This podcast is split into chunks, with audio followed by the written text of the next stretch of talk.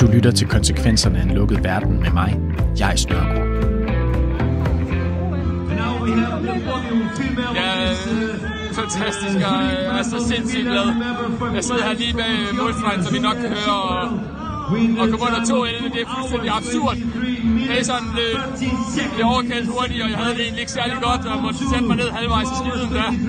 Men øh, jeg måtte bare kæmpe, kæmpe og kæmpe, og, øh, og jeg nåede det, og det var bare et forløsning. Jeg kæmpede alt, hvad overhovedet Det her er lyden fra et løb den 23. februar i år. Lyden er fra TV2, og Thijs Nejøjs er lige kommet i mål under maratonløbet i Sevilla.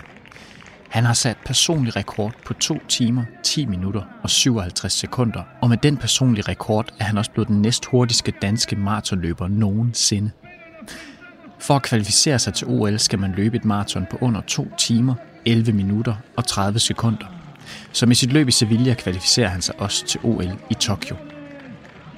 drømmen om OL var der vel tilbage i 2004, da jeg var 12 år gammel og, og så, så maratonløbet i Athen. Lidt over et år forinden blev han dansk mester på maratondistancen i sit allerførste maratonløb nogensinde. I, nu kommer han, mine damer og herrer, på stadion om et øjeblik. Thijs Nijhøjs. OL i Tokyo skulle have været afholdt til sommer, men knap er Thijs Nejhøjs gået i gang med at restituere oven på løbet i Sevilla, før coronaudbruddet i Wuhan i Kina er blevet en pandemi, som betyder, at den olympiske ild ikke skal tændes i år. De japanske arrangører er blevet enige med den olympiske komité om at udsætte de olympiske lege til sommeren 2021. Jamen, der har gjort, at hele min løbkarriere bare lige blevet skudt et år. Det- Og det gør, at, øh, gør, at jeg har tid til at træne. Jeg er jo ufattelig heldig, at jeg nåede at klare mit krav og at, altså til OL, og at det står ved magt. I denne udgave af Tæt på får du historien om Thijs Nøjhøjs vej til OL, og hvordan han i et sommerhus i Vestjylland takler, at han må vente med at udleve sin drøm. Velkommen til Tæt på konsekvenserne af en lukket verden, den udskudte OL-drøm.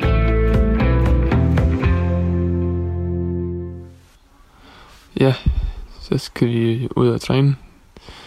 Det er nu øh, 25-26 dage inde i coronakrisen, kan man vist godt kalde den, og øh, der er sket meget. Først blev, øh, blev landet lukket ned. Ja, nu har vi så fået at vide, at alle større arrangementer eller aktiviteter er lukket ned indtil 1. september. Det betyder også, at for mig som løber eller sportsudøver, nok næppe kommer i gang den, de næste mange måneder, 4-5 måneder, hvem ved. Det kan godt være lidt svært at motivere sig til at fortsætte at træne. Og øh, ja, hvad skal man sige, det, det er også spørgsmålet, hvad man egentlig træner til. Heldigvis kan jeg stadig dyrke løb udenfor. Det er heldigt sammenlignet med mange andre sportsgrene. Kan du ikke lige starte med at introducere dig selv? Jo, jeg hedder Thijs Nærhøjs, øh, født i 1992, flyttede her til, også i 92, lige efter jeg er født. Begge mine forældre, de kommer oprindeligt fra Holland. Der er det lidt øh, interessante navn, i hvert fald sådan udformningsmæssigt skriftligt. Og øh, jeg har boet her hele mit liv og blev dansk statsborger, da jeg var 16. Og har løbet siden jeg var omkring 12-13 år gammel, og bor nu i, i Aarhus, hvor jeg læser til, til læge på 9. semester. Du, altså, hvor- mange, hvor mange DM-titler er det, du har altså, i alt i, i forskellige distancer? Øh, hvis man ser på, på seniorniveau, så tror jeg, jeg er blevet dansk mester 13 eller 14 gange. Jeg kan ikke helt huske det. Og det er inden for de sidste, det er siden 2014, jeg har vundet dem. Så de sidste 6 år, ja i år kan man så sige, kan man måske vælge ikke at tælle med, fordi der har ikke rigtig været noget endnu. Og det er heller ikke sikkert, der bliver noget, men øh, ja, 13 eller 14 danske seniormesterskaber, og også et utal af sølv- og bronzemedaljer. Og så har jeg måske 20 eller 25 danske ungdomsmesterskaber. Det er alt fra, fra 1500 meter til, til maraton faktisk. Det er 1500, det er 3, det er 5, det er 10, det er halvmaraton og maraton. Så ja, jeg, jeg spænder bredt. Hvordan fandt du ud af, at du, at du er god til at løbe? Og ligesom mange andre raske drenge, så øh, var fodbold klart det, der fyldte mest, da jeg var yngre. Jeg startede vel, da jeg var en 6-7 år. Men erkendelsen, selverkendelsen var nok øh, forholdsvis stor på et tidligt tidspunkt, i og med, at jeg som 11, 12, 13-årig fandt ud af, at øh, jeg er bedst til at løbe opvarmningsrunderne rundt om banen, og bedst til at løbe øh, uden bold, og ikke med bold på fodboldbanen. Så øh, var der en af mine venner, der sagde, at jeg ikke har lyst til at prøve at komme med ud og, at løbe i Storholm Atletikklub. For inden havde jeg løbet et par enkelte motionsløb, eller skolernes motionsløb, som lå ude i en skov, hvor jeg løbede. Og, altså, jeg tror, jeg blev nummer tre eller nummer fire de to år. Og det, det synes jeg egentlig var stort. Så jeg startede i Storholm Atletikklub, hvor jeg prøvede lidt forskelligt, både længde spring og kuglestød. Og, men øh, jeg kunne godt mærke, at det jeg brændte for, det var at løbe øh, intervallerne til sidst, og det var da også der, jeg var klart bedst. Så det satte ligesom gang i, gang i den løbekarriere, men øh, de første par år blev jeg endda slået af pigerne, så det er ikke fordi, jeg af natur havde et gudsbenået talent. Jeg havde nok noget, en god portion vilje kombineret med, øh, at jeg kunne holde til at løbe rigtig meget. Jeg formåede ikke at blive skadet, hvilket gjorde, at jeg kunne træne betydeligt mere end de fleste i en ung alder, og det gjorde jeg også, altså som 15-årig løb, jeg vil, som mellem der var 15 til jeg blev 16, det var det år, hvor jeg tænkte, nu skal det fandme være. Så der gik jeg fra sådan noget 40-50 km om ugen til sådan noget 100-110, og det bør man nok ikke gøre så hurtigt et, et skridt, men øh, det gjorde i hvert fald, at jeg trænede mere end de andre, og dermed også øh, rykkede mig øh, en del lige pludselig. Jeg var også heldig, at jeg nåede at klare øh, kravet til OL, men i det mange andre ikke har haft, eller får chancen for at gøre det nu, men må vente helt til, til efteråret. Men det er underligt at, at være i sit livs bedste form, og ikke øh, komme ud og konkurrere, som man egentlig havde set frem til længe. Men alt sammen er jo fuldt forståeligt. Øh, I og med, at jeg har haft lidt ondt i, i ryggen, har jeg nu droslet ned på træning i en uge eller halvanden, for så stille og roligt at begynde at trappe den op igen. Det bliver nok mest løbeture i skoven, og ikke så meget øh, intervaltræning, mest bare ture, hvor jeg, hvor jeg nyder at, at løbe, og hvor jeg kommer ud i, i det gode danske forårsvejr, som er begyndt at viste sig fra sin bedste side.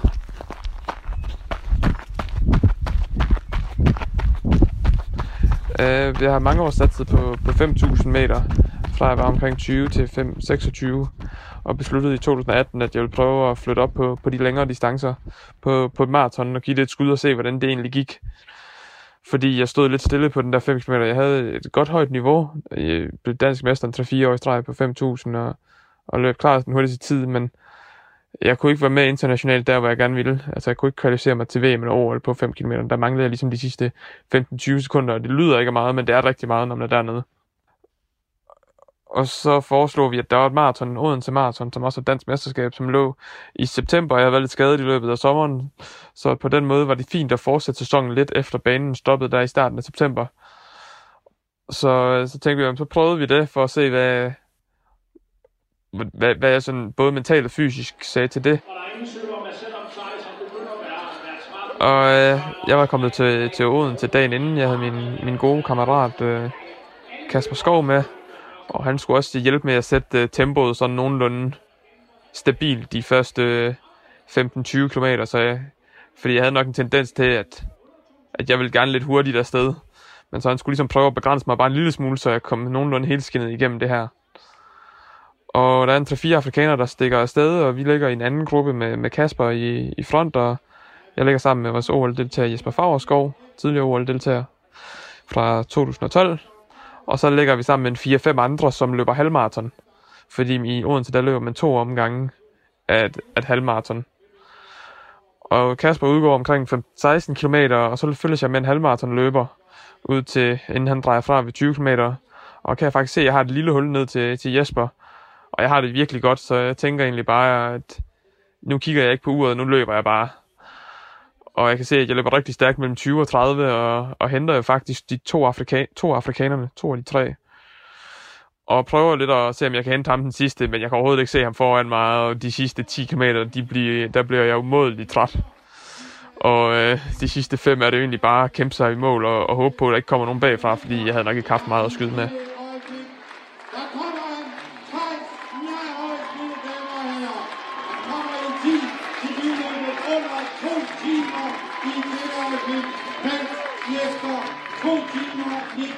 Selvfølgelig overvældende at komme ind på stadion. Det sidste 300 meter, det er inde på rundbanen, og derinde stod min, min kæreste og, Kasper klar til at tage imod mig, øh, imens jeg løb i mål til, til en anden plads ved mit første maraton nogensinde og, og dansk mesterskab.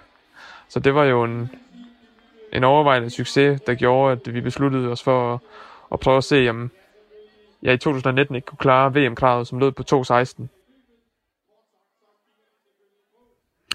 Og, men, men hvor mange, altså selvom det var din debut, den der i 18, altså hvor, meget, hvor mange løb, øh, eller maratonløb havde du løbet sådan i træning op til? Altså... Øh, jeg har en gang faret vildt på en træningstur i Portugal, hvor jeg har løbet øh, 45 km til træning. Så der har jeg løbet et maraton, ellers har jeg aldrig løbet et maraton før. Altså jeg har aldrig løbet det. Så jeg, jeg har en gang været ude på 45 km for en 5-6 år siden, og ellers øh, så var mit første gang, jeg løb et, et maraton til i Odense. Det lyder meget øh, specielt. Altså, er, er, er det specielt, eller er, er det egentlig meget normalt for, for, for maratonløbere? De fleste, for, altså, de fleste ja. maratonløbere løber ikke et maraton til træning. Det, man kan sige, hvis man for eksempel... Men de har bruger... vel løbet et maraton, før øh, de stiller op til DM? Øh, mange har jo, fordi de kommer lidt fra en anden baggrund, men på, hvis man kommer fra eliteplan på, på banen, så har man oftest ikke nej. Altså, så man kan sagtens hvis man for eksempel bruger 2 timer 10 eller 2 timer 15 på at løbe et maraton. Hvis jeg for eksempel træner, jeg har jo været ude i så lang tid. Jeg har godt nok ikke løbet, måske jeg ikke har løbet 42 km i, i 18 km i timen, men jeg har nogle gange været ude. Jeg kan jo godt, hvis jeg ligger og træner, så træner jeg jo lidt langsommere end det. At jeg har, ja, så jeg har været ude og løbe 2 timer og 15 før, og det har jeg nok gjort 3-4-5 gange. Bare ikke i maraton tempo. Men altså, man kan jo godt lave nogle 30-35 km træninger, hvor størstedelen af det ligger i maraton tempo, og så vide, om det her det føles rigtigt, om man kan holde det lidt mere, eller man ikke, ikke kan. Man skal også passe på, at man ikke overgør det i træningen inden. Havde du regnet med, at du kunne vinde DM i dit første forsøg på, på maratondistancen?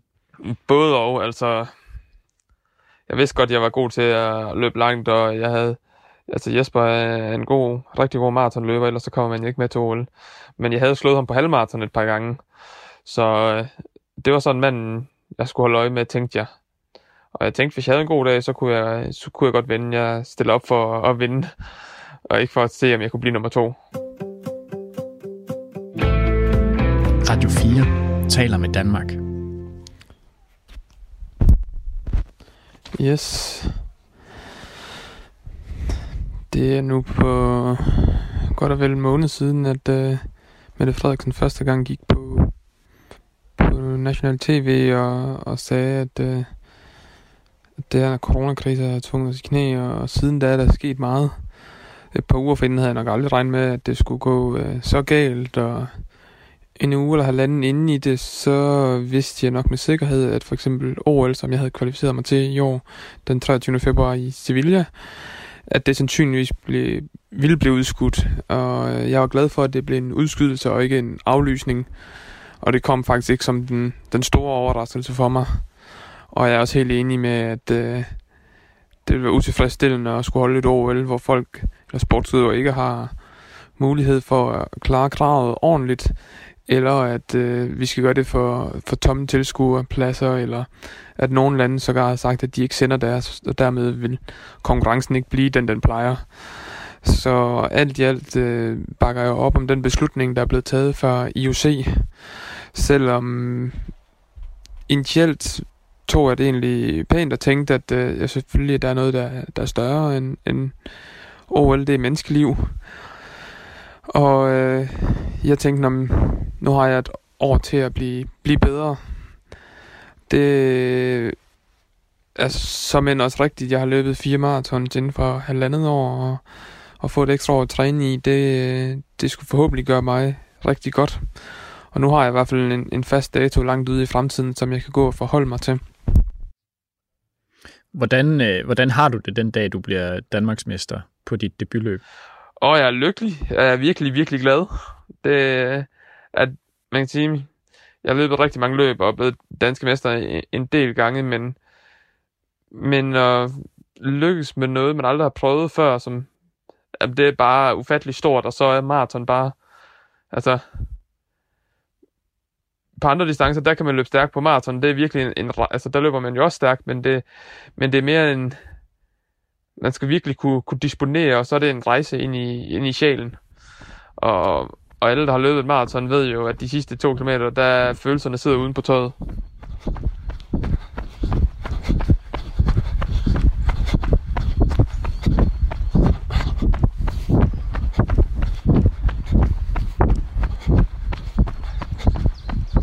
Hvordan er det en rejse ind i sjælen at løbe maraton?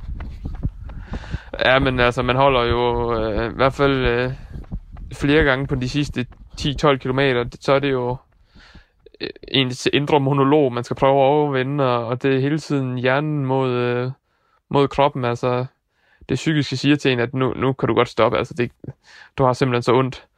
Men, at du, men på den anden side bliver du også ved med at sige til dig selv, at du er der snart, og du skal bare holde ud lidt længere, selvom det går forfærdeligt ondt. Et maratonløb er jo oftest, jeg vil beskrive det som 32 km transport og 10 km konkurrenceløb. Og det er de sidste 10, går ud fra? Det, er- det er de sidste 10, ja. Og, men hvad, den indre monolog, hvad snakker du med dig selv om, når du, øh, når du løber? Især de sidste stykke. Ah, men det kan være alt muligt.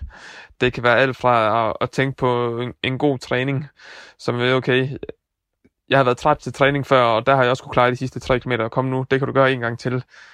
Eller også så kan det være, prøv at nå op til næste lygtepæl, eller hvis jeg ser nogen foran mig, prøv at stille og roligt løbe op til, til den person, og altså hele tiden prøver at motivere mig selv. Fordi hvis man kommer i et... Jeg hele tiden prøver at sige sådan, sætte nye mål, eller tænke positivt, fordi hvis man først begynder at tænke negativt, og det er jo selvfølgelig noget nemmere, når det går godt, end når det ikke går godt. Og indtil videre har jeg kun haft gode marathons, 7 9 13 Så, øh, så jeg bliver først rigtig udfordret den dag, jeg kommer på skideren. Og, og har du oplevet det før på andre distancer? Okay, ja, masser af gange. Jeg har flere gange ved, på en femmer lagt til at løbe 13.30 ved, ved 3 km og komme i mål på over 14 minutter. Så, øh, men altså, det bliver man jo også stærkere af, hvis man aldrig har... Altså, der er jo ingen medgang uden modgang. Jeg havde håbet på, at der ville blive nogle løb i midten af juni. Og øh, med Mette Frederiksens udmelding om, at øh, alle større arrangementer, hvad end det er, øh, Øh, indebærer, så er udsigten til, at jeg kommer til at løbe flere løb i, i Danmark de næste mange måneder. Den er meget, meget lille.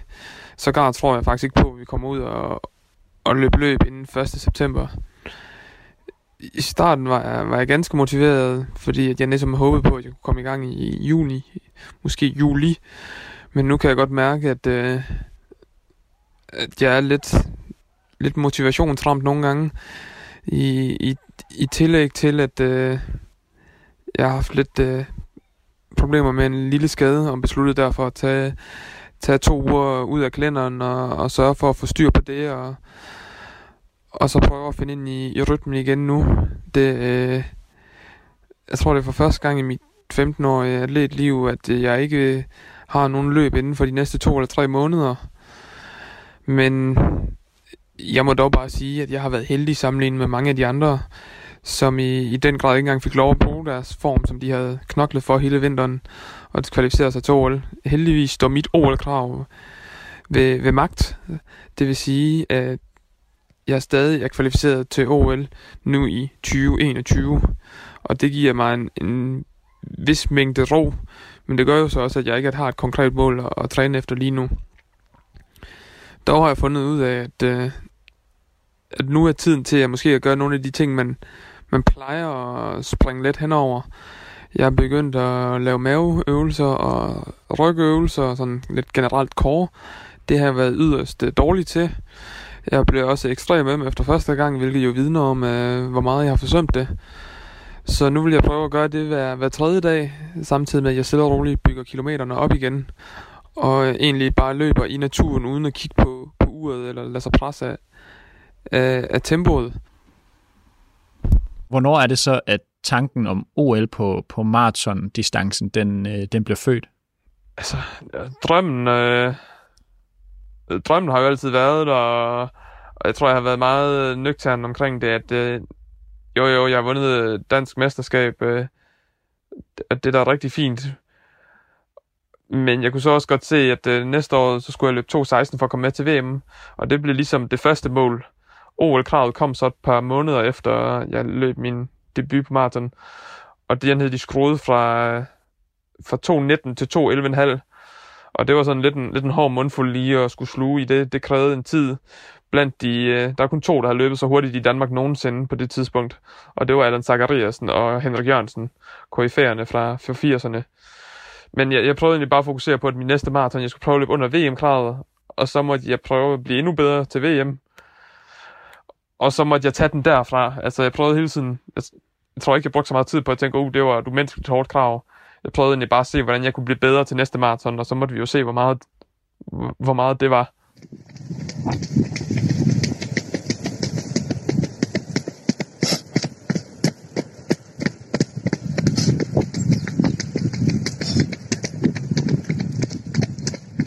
Jeg skulle prøve øh, efter VM i, i Doha i, i 2019, så øh, gik, gik træningen i gang mod, øh, mod at prøve at se, om man kunne klare OL-kravet. Det var lidt med lidt en presbold, fordi jeg havde jo egentlig kun øh, fra da jeg løb VM i 30. oktober i efteråret 19, og så skulle klar, kravet til OL skulle klares inden den 1. juni.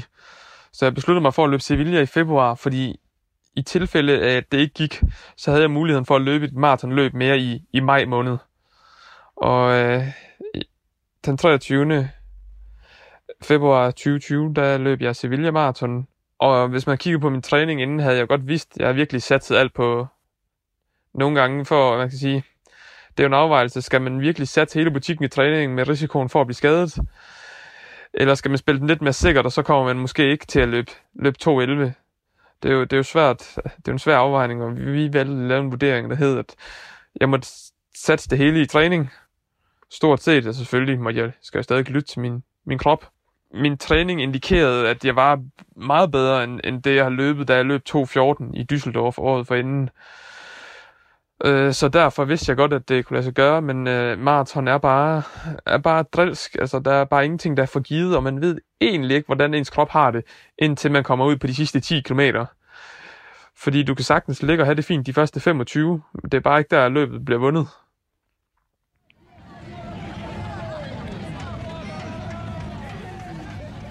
Løbet gik, øh, gik fantastisk. Altså, der var en gruppe på, og, og det er jo de ting, man ikke selv kan styre hvem der ellers er, hvilken gruppe der bliver, hvordan vejret er.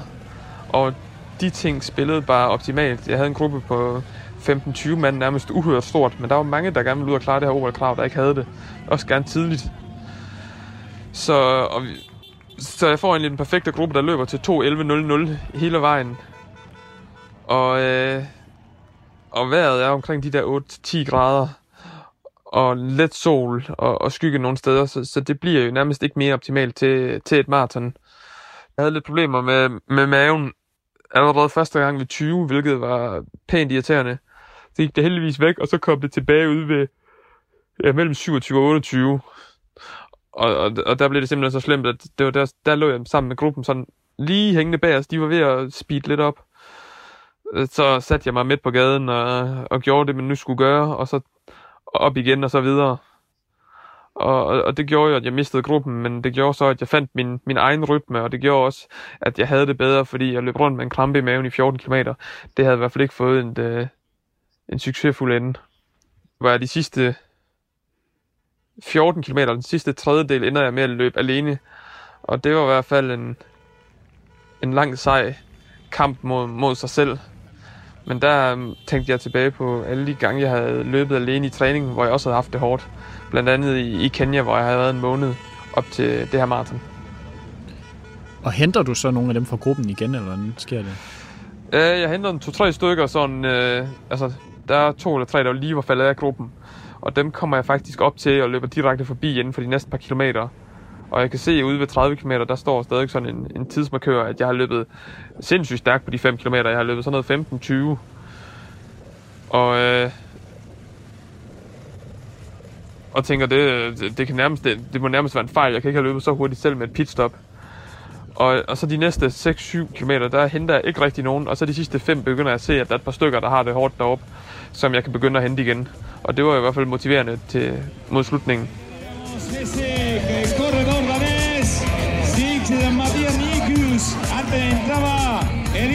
Irlandés Kevin Seward, también obteniendo plaza. Irlanda también había elegido la cita sevillana. Para... Du lytter til tæt på. Prøv, prøv, prøv at fortælle der, hvor du kommer over målstregen. Jeg er euforisk, jub, jublende glad, men også totalt smadret. Altså, det er virkelig, virkelig mærkeligt, at man kan være så ødelagt i sin krop fysisk, og så psykisk være så, så meget ovenpå. Og altså, krydser målstregen, kigger, kigger lige hen og ser, okay, jeg har, jeg har passeret den. Og der stod 2.10 på, jeg kigger bag og ser, om der, står, der stod 2.10, og tænker, det, det er absurd, det er vanvittigt hurtigt. Og komme ind i en tid på 2.10.57, som var den næst hurtigste i Danmark nogensinde. Og, og, og sætter mig egentlig bare ned og, og fælder en tår over, at øh, det, jeg har drømt om de sidste 16 år, eller 17 år, 15 år, om at komme til OL, at det, at det faktisk nu er en realitet, og, og man forstår ikke helt, hvad der, hvad der lige er sket. Jeg sætter personligt rekord med, med, med over, over 3 minutter. Yes, står her ved Klitmøller ude ved, ved Vesterhavet. Ja, tæt på Vesterhavet, der er vel en kilometers penge dernede, hvor øh, vi har sommerhus, og øh, jeg har taget herud i, i coronatiderne for stadig at kunne kunne løbe, hvor der ikke er alt for mange mennesker, og fordi der er fantastisk at løbe i Nationalpark Thy. Det, en del stævner har, har været aflyst, og en del løb og stævner er blevet udskudt, så det er lidt uvist, hvornår næste gang vi skal løbe, så nu skal jeg ud på min anden tur, og målet er at, at løbe en rolig tur. Og så når jeg kommer tilbage, så laver jeg noget, øh, noget core, og lidt, øh, lidt udstræk nogle af de ting, jeg ellers ikke plejer at være så god til at lave, men som er rigtig fint at gøre nu i en tid, hvor nogle af de andre ting i, i træningsprogrammet er, kan pilles ud. Fordi der ikke er nogen stævner lige om hjørnet, så betyder det ikke så meget, at man, man lige er øm, eller så det handler om at få, få trænet nogle af de svagheder, man kan, og og, det, og prøve at se, at man kan sætte sig en, bruge det som motivation for, for at holde sig i gang og, og blive bedre.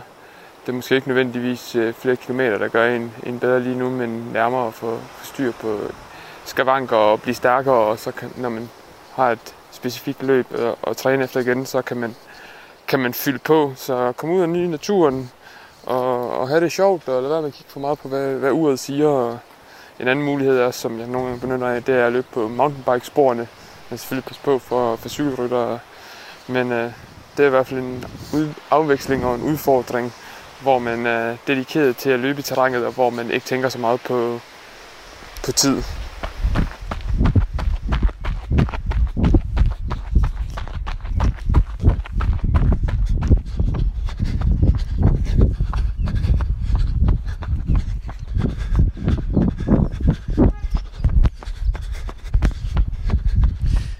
Altså Thijs, hvis nu man ser på, på, på det, altså de par år, altså fra 18 til nu, hvor du begynder at løbe maraton, så kan man vel godt sige, at det kan være en smule overraskende, at du nu skulle til OL her til sommer, ikke?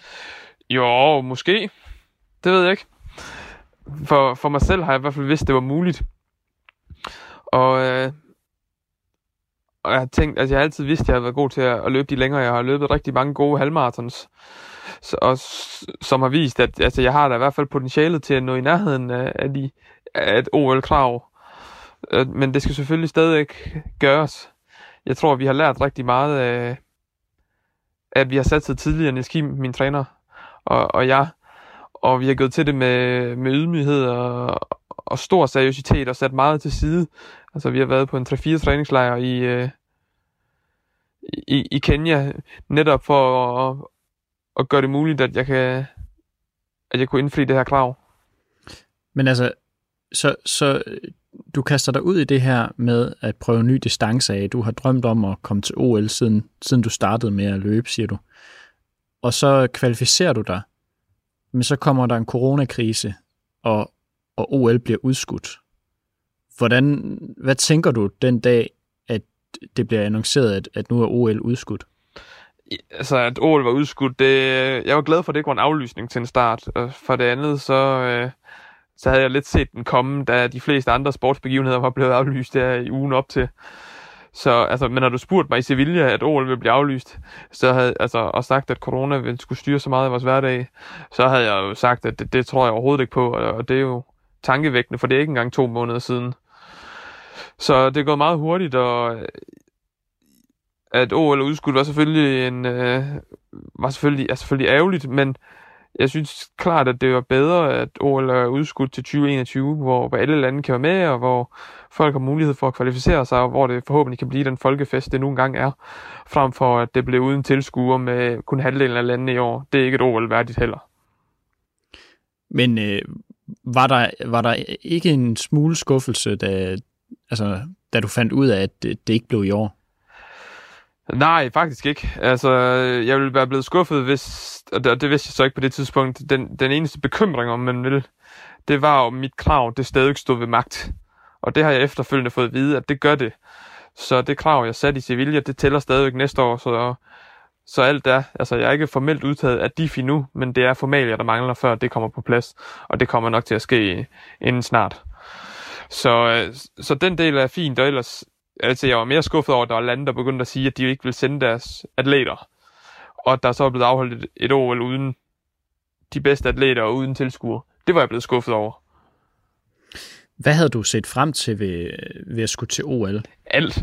Øh, at være, være en del øh, af et OL-hold er, er stort, og nok noget, de færreste kommer til at opleve, og være afsted med så mange ligesindede, fantastiske atleter, både fra, fra Danmark, men også fra, fra udlandet, at det vil jeg vil være noget, jeg kunne huske tilbage på, på resten af mit liv, og, og bare mærke stemningen og atmosfæren, og man ved jo, at Japan er et land, der gør alt efter punkt og prikke, så man er sikker på, at, øh, at det nok skulle være organiseret godt. Og, og, og det der med at være sammen med de ligesindede, altså fortæl lidt mere om, hvad, hvad du havde forestillet dig, at, hvordan det ville være at være i OL-byen og alt det der. Øh, det er måske svært at sige. Altså, jeg havde jo ikke regnet med at være i Ålbyen øh, alle dagene, fordi jeg havde maraton ligger på sidste dag, og maraton ligger i Sapporo 800 km væk, fordi man var bange for, at det blev for varmt i, i Tokyo. Hvilket er en lille smule ærgerligt, men sådan er det jo. Så øh, jeg vil nok have været til åbningsceremonien et par dage i Ålbyen og set nogle af, af dem, jeg kender. Min, min gamle læsemarker Simon Tesche fra BMX er også kvalificeret sig, og det ligger i starten af, af OL-programmet, så det vil jeg have set. Og så vil og så ville jeg have, have isoleret mig selv de sidste 8-10 inden mit løb og, og satset på det. Så hvordan, hvordan er det for dig at gå glip af det den her sommer? Jamen, så har jeg noget at glæde mig til næste sommer også. Så det, det ændrer mig ikke. Altså, selvfølgelig vil man da gerne opleve det nu, men nu når jeg får at vide, at jeg får det lov at opleve det næste år, så, øh, så er det ikke noget, jeg bruger tid på at tænke så meget over. Men hvis jeg så ser på, så, så nu, er de, nu har du så skulle træne op til, til, øh, at du skulle have været til OL i sommer. Altså det er det, det, du har planlagt, øh, at du skulle i år. Men, men nu er det så udskudt et, med et år. Hvordan, hvordan ser din hverdag så ud nu, i forhold til, altså, hvordan den ville have set ud ellers? Jeg kan sige, først og fremmest var mit store mål jo at prøve at se, altså, det nytter ikke at begynde at træne og snakke og planlægge efter et OL, så længe man ikke har kvalificeret sig. Så mit første punkt på dagsordenen, det var ligesom at prøve at se, om man kan klare kravet og det lykkedes i Sevilla. Og så gik det jo rimelig stærkt med den her coronakrise, så efter et maraton tager man jo noget pause. Så jeg nåede slet ikke at komme op i gear igen, inden at OL var, var afblæst, og så fik jeg en lille smule ondt i ryggen og en lille skade nu, så, så træningen har været lidt på lidt sådan et lille stadie, men nu er det på vej fremad. Men ellers så træner jeg jo selv ude ved, ved vestkysten, og og isoleret sig mig her med min, min kæreste og svigerfamilien. Og det har vi nu været i fem uger, og det virker jo også til, at vi skal tage et par uger mere. Så øh, det var nok ikke lige sådan, jeg regnede med, at jeg skulle bruge min marts og april måned. Men, øh, Hvad havde du regnet med? Jamen, jeg havde da håbet på, at jeg skulle en tur til, til USA på træningslejr i april og løbe nogle konkurrencer. Jeg fik blandt andet udskudt VM halvmarathon, som nu er i oktober i stedet for 29. marts, så og så skulle jeg nok have løbet et halvmarathon eller en 10 km mere her i starten af, eller midten af maj. Og derfra så havde jeg nok begyndt at træne til, til OL, og havde nok været på træningslejr i løbet af juni, juli i, i højden også. Så Det, det ændrer sig lidt. Øh, uh, EM Paris er stadig på, på tegnebrættet den sidste uge i august, så nu må vi se, om, om den overlever. Men altså, taget alle ting i betragtning, så er det jo fuldt forståeligt, men så der er ikke nogen grund til at være træt af det, eller surmul over det. Man må jo bare prøve at, at, at træne videre, og, og måske ikke tænke så meget over tider, når man løber, men bare komme ud og, og løbe, fordi man synes, det er, er fedt. Vi får jo ikke nogen kæmpe salærer i, i, inden for løb, så vi gør det jo egentlig, fordi vi synes, det er fedt, og fordi det, det er lysten, der driver værket. Hvorfor er det fedt? Hvorfor er det det? Altså, hvorfor er det fedt at, at, at løbe og løbe langt? Jeg kan sige, det, først og fremmest synes jeg, det er fedt at løbe, fordi det, der er noget altid i det. Altså, der er både, i hvert fald inden for konkurrencemæssigt, der er der både noget bane, og der er en landevej, og der er noget cross. Og det er det samme med træning. Man kan både træne på landevej og på bane og i skoven og på bakker og op og ned. Og det med at løbe i naturen, det har i hvert fald altid betaget mig. Altså, det har jeg bare synes var rart, det her med at komme ud og brænde noget krudt af. Og det er det til den dag i dag stadigvæk. Og, og ellers så er løb jo fuldstændig unik i den forstand, at, øh, at det eneste, du trænger, det er faktisk et par løbesko. Du, behøver, du skal ikke, du behøver ikke nogen at løbe sammen med nødvendigvis, og du kan egentlig løbe, hvor du vil, når du vil. Så det, det, det giver en ekstrem frihed løb. Og så kan man selvfølgelig sige, at det i, i form af eliteperspektivet, så motiverer det jo mig at, at sætte udfordringer, som, som jeg vil prøve at nå og se, hvor, hvor god jeg kan egentlig blive. Radio 4 taler med Danmark. Yes, endelig tilbage fra, fra løbeturen. Det var en fin tur, og jeg kom ud, mens, det, mens solen var fremme. Det blæste godt, men øh, det betyder ikke så meget, når man har øh, en dejlig skov at, at løbe i. Ja, det startede stille og roligt, og så løb jeg egentlig hurtigere for hver kilometer. En, en, en progressiv tur. Så øh, man kommer i mål med, med overskud, og, og det føles lækkert at slutte af med at løbe lidt hurtigere, så man kan føle sig lidt, øh, lidt let på tog og, og spændstig. Så nu vil jeg gå ind og, og lave mit, øh, mit core. Altså, det er meget simpelt. Jeg laver ikke styrketræning til, til dagligt. Det, jeg burde få lavet, men jeg ikke altid får lavet, det er øh, nogle helt almindelige rygbøjninger, mavebøjninger, nogle sidebøjninger, og noget planke og sideplanke, og så nogle dynamiske udgaver heraf. Så det er egentlig meget simpelt og noget, som, som alle kan gøre, der, gøre derhjemme. Efterfulgt af det vil jeg lave øh, lidt udstrækning. Jeg har en 5-6 øvelser, som, som fungerer. Jeg tror, et, et godt tip er ikke at bruge for, for mange øvelser, fordi så, så glemmer man dem. Det handler om at have en 5-6 stykker, hvor man synes, man, hvor det er overskueligt, at man gider at lave dem og kan lave dem, men at man også kommer igennem det, det mest basale af, af alt det her.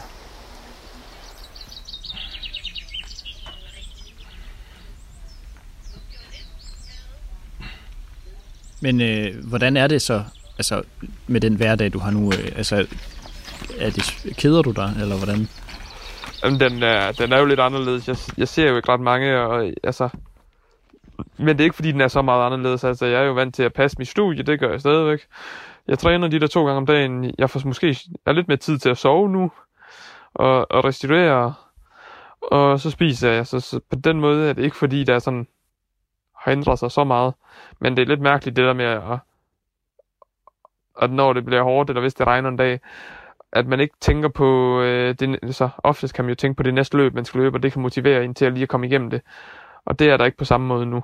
Hvordan, hvordan oplever du den, den dalende motivation? I, I starten var det, egentlig, var det egentlig fint nok, fordi det, det gav mig jo tid til at træne en masse, frem for at skulle... Jeg havde jo en masse skole, der skulle, også skulle passes. Så gav det mig jo noget ekstra tid til at træne i. Så de første par uger gik fint, og så fik jeg lidt ondt i ryggen. Og jeg havde jo egentlig måske regnet med, at man kunne komme ud og løbe stævner igen i slutningen af juni. Men øh, det er der i hvert fald blevet skudt, skudt en hvid pil efter. Og jeg kan godt mærke, at det havde egentlig sat næsen lidt op efter og tænkt, okay, det kan være, at Aarhus Halmarathon bliver til noget, eller det bliver til noget, at der bliver løbet DM i, i slutningen af juni på, på banen. Men de er begge to blevet, øh, blevet udskudt også, så jeg skulle nok ikke have sat næsen op efter noget, så nu har jeg ikke sat næsen op efter noget længere, og, og nu er, nu er ryggen i orden, og nu kan jeg bare godt lide at løbe ud i, i plantation herude, og bare nyde det, og jeg kigger ikke på uret, og jeg har ikke nogen specielle tider, jeg skal, skal nå eller ramme. Det, det lyder næsten som en, en, en, en rar form for frihed, du har fået i din træning Jamen, på det, grund af coronakrisen. det er uden tvivl. Det kan, jeg tror også bestemt, at det kan være med til at, når man så har et mål igen, så tror jeg virkelig, det kan være med til at give et boost. Og at man altså selvfølgelig holder træning ved lige, men så også, at, at man har ligesom været igennem en periode, hvor, hvor der ikke var nogen løb. Så, så er man måske lidt mere taknemmelig over, at man har et mål at træne efter. Og vil måske gå igennem lidt mere for, for at nå det. Men man skal selvfølgelig passe på, at man ikke overgør det både nu, og når der er et, et løb i, i kikkerten igen. Men, men når du siger, du har de der motivationsproblemer øh, indimellem, så hvad, hvad er det, der går gennem dit hoved, når nu du øh, ikke kan finde motivationen? Hvad tænker du? Nå, men altså mo- det er jo ikke, fordi jeg slider med flere dage i streg, men det er ofte en, en eftermiddag, at hvis man tænker, og jeg har egentlig, jeg har, altså det er nok mest kombineret med, at man har lidt, havde, at jeg havde lidt ondt. Fordi så er det sådan, jamen, måske er det også bedre, at jeg bare bliver hjemme, fordi så har jeg måske ikke ondt, når jeg løber i morgen. Fordi egentlig, hvis jeg ikke havde ondt, så ville jeg helt sikkert bare løbe hver dag og, og have det fint med det, også to gange om dagen, og, og synes, det var fedt. Men det var mere det der, med, om så samtidig har ondt, så kan man ikke så får jeg ikke mig selv skubbet ud over kanten. Medmindre der, der var et eller andet lige rundt om hjørnet. Havde jeg haft ondt tre uger inden til Sevilla Marathon, så havde jeg nok skubbet mig selv ud af døren og sagt, okay, det går nok over. Det der med at skubbe sig selv ud over kanten, altså øh, prøv at fortælle om, hvorfor, hvorfor man skal kunne det som elite-løber. Det, altså, det er essentielt, at man en gang imellem bider lidt i det sure æble. Det, det er ikke en, det er ikke en dans på røde roser. Altså, selvom vi, vi får lov at rejse en masse og opleve en masse af verden, så er det jo tit uh, lufthavn, hotel, løbebane, hotel, lufthavn. Så der er en masse øh, rejsedage forbundet med det, så der skal vi i hvert fald være, være mentalt stærk. Og, øh, og når det øh, er klokken 6 om morgenen, og det regner, så vil jeg da lyve, hvis jeg sagde, at jeg tænkte bare, fedt, fedt, fedt, nu skal vi ud og træne. Der tænker man, okay, så gør man det jo lidt fordi, at man, man har noget, man skal, skal opnå. Men jeg har det også på den måde, at det, hvis jeg får en uge, hvor jeg har flere dårlige træninger end gode træninger, så skal jeg nok ned på træningerne. eller så, altså, jeg stopper nok ikke lige fra den ene til den anden uge, men jeg gider ikke at have, have, have flere dårlige træninger end gode træninger op i mit hoved. Jeg er næsten aldrig kommet hjem efter en løbetur og tænkt, at okay, det her det var, det var spild af tid. Selvom man har haft en dårlig træning, så tænker man, okay, men jeg, jeg kom derud, og det, det var godt. Udover at løbe lige nu, så, så sætter jeg ikke ur om morgenen længere. Jeg sover til, når jeg står op, og har rigtig god tid til at, til at læse en bog, men, men følger også stadig mit medicinstudie på, øh, på, på online øh, vis, og har været en lille smule i klinik nu her. Og øh, eksamen fortsætter som, som den plejer, dog er den blevet lavet til en online eksamen, som ligger i start juni. Så, så har jeg i hvert fald noget tid til at fokusere på det og, og komme godt igennem det. Ellers har der gået lidt tid med at holde påske, en lidt atypisk en af den uden øh, sild og, sild og det store påskebord med, med mange mennesker. Det har været med henholdsvis min kæreste og jeg, vores familier, altså vores mødre og fædre, og, øh, og vores søskende, og ikke andre end det. Vi har tilladt os her i Klitmøller faktisk at, at lade folk komme forbi som, som gæster, og øh, vi har et, øh, et bord udenfor, hvor vi kan sidde ved, og så vi ikke kommer hinanden nær, og på den måde kan man stadig øh, have lidt social kontakt, uden at man kommer for tæt på hinanden, og man tager sig i jagt for de forhåndsregler, der, der nu bliver taget. Ellers så har vi en ordning, hvor, hvor vi skiftes til at vælge en film hver aften, og øh, der er blevet set alt fra gamle 80'er klassikere til, til de nyeste biograf actionfilm til til film, der har vundet Oscars for bedste øh, udklædning. Så der har været noget af en, en hver genre, som har beriget os på, på tværs. Kan du, kan du godt lide det der dimension med at overvinde dig selv? Ja, det udfordrer mig. Jeg synes, det er at gøre noget, man ikke har gjort før, det er jo fedt. Om det er ved hjælp af sport, eller om det er på sit arbejde, eller om det er noget helt tredje. Altså, at man, man, man lærer en ny egenskab eller et skill, eller, eller perfektionerer den endnu bedre. Det, det trives jeg i hvert fald meget under. Hvordan har du det med middelmodighed? er ikke særlig godt, men øh, jeg blev nødt til at affinde mig med, at, øh, at hvis man vil være den bedste på maraton, så kan man ikke også være den bedste på 5 km sandsynligvis samtidig, så jeg har lidt må give afkast på, hvad alle andre tænker. Altså, nogle gange har jeg løbet nogle løb, hvor jeg ligger midt i en maraton-træningsblok, hvor der er nogen, der har slået mig, som vanligvis ikke vil slå mig. Men det er jo fordi, at man... Altså, man går specifikt på en ting, og så må man købe det af med, at det, det andet, det kan, kan godt kunne blive lidt, lidt middelmodigt på, på en anden bekostning, og det er jo helt okay, når man så kvalificerer sig to, vel? At ens 5 km måske ikke er, er, er inden for, altså, er inden for 5 sekunder, det den har været. Måske, måske er man blevet 10 sekunder dårligere, eller, man, eller der er nogle af dem, man plejer at slå, dem slår man ikke. Men, hvad gør du så for, for at håndtere det? Jeg, at, at, jeg er blevet ligeglad med, hvad folk synes om. Altså, øh, jeg gør det, jeg synes, det er fedt, og jeg synes, det er fedt at konkurrere også, selvom jeg får nogle tæsk, og det er måske også en af mine styrker, at jeg selv, når jeg ikke er i form, eller ikke ligger i et, et hårdt træningsblok, så tør jeg stadig at konkurrere og komme ud og få nogle tæsk, fordi at jeg ved, at det motiverer mig til at træne endnu hårdere. Men øh, hvor kommer den der trang til at, at træne hårdt og gøre, altså præstere, præstere, præstere højt? Altså, hvor, hvor kommer det fra? Det er jo svært at vide. Altså, det... Jamen, det er fordi, jeg tænker, når jeg bruger så meget tid på, på at løbe, og, og har nogle mål, så, øh, så gider jeg ikke gøre det halvt. Måske er det noget, man har, har tillært sig, tillært sig. Måske er det noget, der ligger i en, eller så er det fordi, jeg har set, at min, min far og mor, de, øh, de ejer en gård, og, og de har i hvert fald altid arbejdet hårdt. Så den der viljen til at arbejde, og, og egentlig ikke have ondt af sig selv at 10 år, nu skal du løbe 200 km i stedet for 160 km den her uge. Altså, jeg ser det som en... Jeg ser det mere som uh, en mulighed frem for, uh, frem for en last. Er det den samme øh, indstilling, du har i forhold til, at det der med OL er blevet flyttet nu? Det tror jeg bestemt. Altså, jeg prøver at se, se muligheden frem for at se negativt på det. Jeg kan jo ikke ændre på det alligevel her fremad, altså nu, nu skal du arbejde frem mod, mod OL til næste år i stedet for, at du skulle have gjort det her til sommer. Hvad, hvad, hvad betyder det for, for, for dig øh, nu?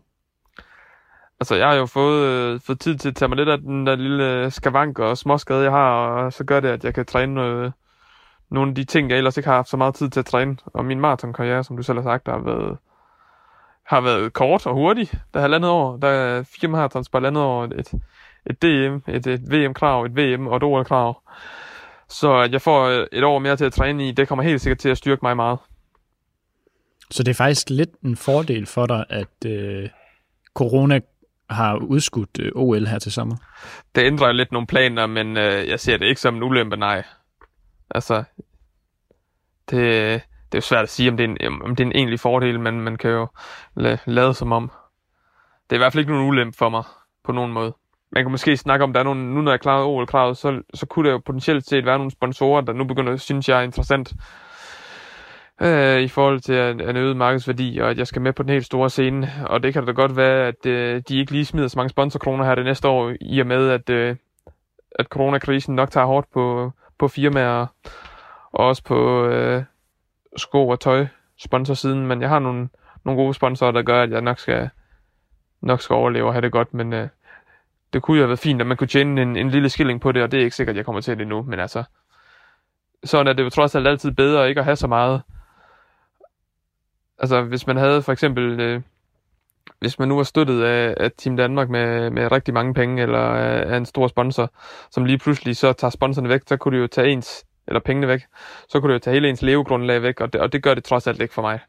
Så igen, måske jeg går, går glip af nogle sponsorindtægter. Så hvad, hvad skal du gøre nu fra, for, for at gøre dig klar, nu hvor, nu du har en, en længere tidsperiode til at forberede dig? Altså det der med at skulle se over et år frem, hvordan gør man det? Øh, det gør, at man lige skal komme af med den der skavank, jeg har nu, og så skal jeg lige få komme op i gear og træne lidt igen i den her, de næste to uger i april. Og så for første bag, så må jeg sætte mig med min træner og, og lave en, øh, en langsigtet plan. Og det kommer jo også lidt an på, hvad der bliver meldt ud i forhold til EM. Øh, EM i atletik i Paris i slutningen af august. Hvad, hvad, hvad regner du med der? Regner du med, at, at du skal afsted til det? Øh, jeg regner med, at det bliver aflyst. Jeg, jeg, jeg, jeg, jeg, jeg, gider, jeg, jeg gider ikke sætte næsen op efter, og så blive skuffet igen. Så... Det regner du med at blive aflyst. Hvad, hvad gør du så? Nej, men så finder jeg, så, så vælger jeg nok bare at træne. Og så håber jeg på, at man kan løbe løb i oktober, november, december måske. Yes, det er søndag 4. 5. uge i, i karantænen. Hvem ved, hvor, hvor langt vi er nået hen? Og hvem holder egentlig syr længere? Vi tager det lidt dag for dag, og, og jeg får trænet, og jeg er glad for, at jeg er godt i gang igen. Ugens sidste tur. Søndag er altid langtur. Så jeg skal ud og have omkring 25 km, og så ender min samlede uge på omkring de der 145 km. Så det er dejligt. Solen skinner. Alt er godt.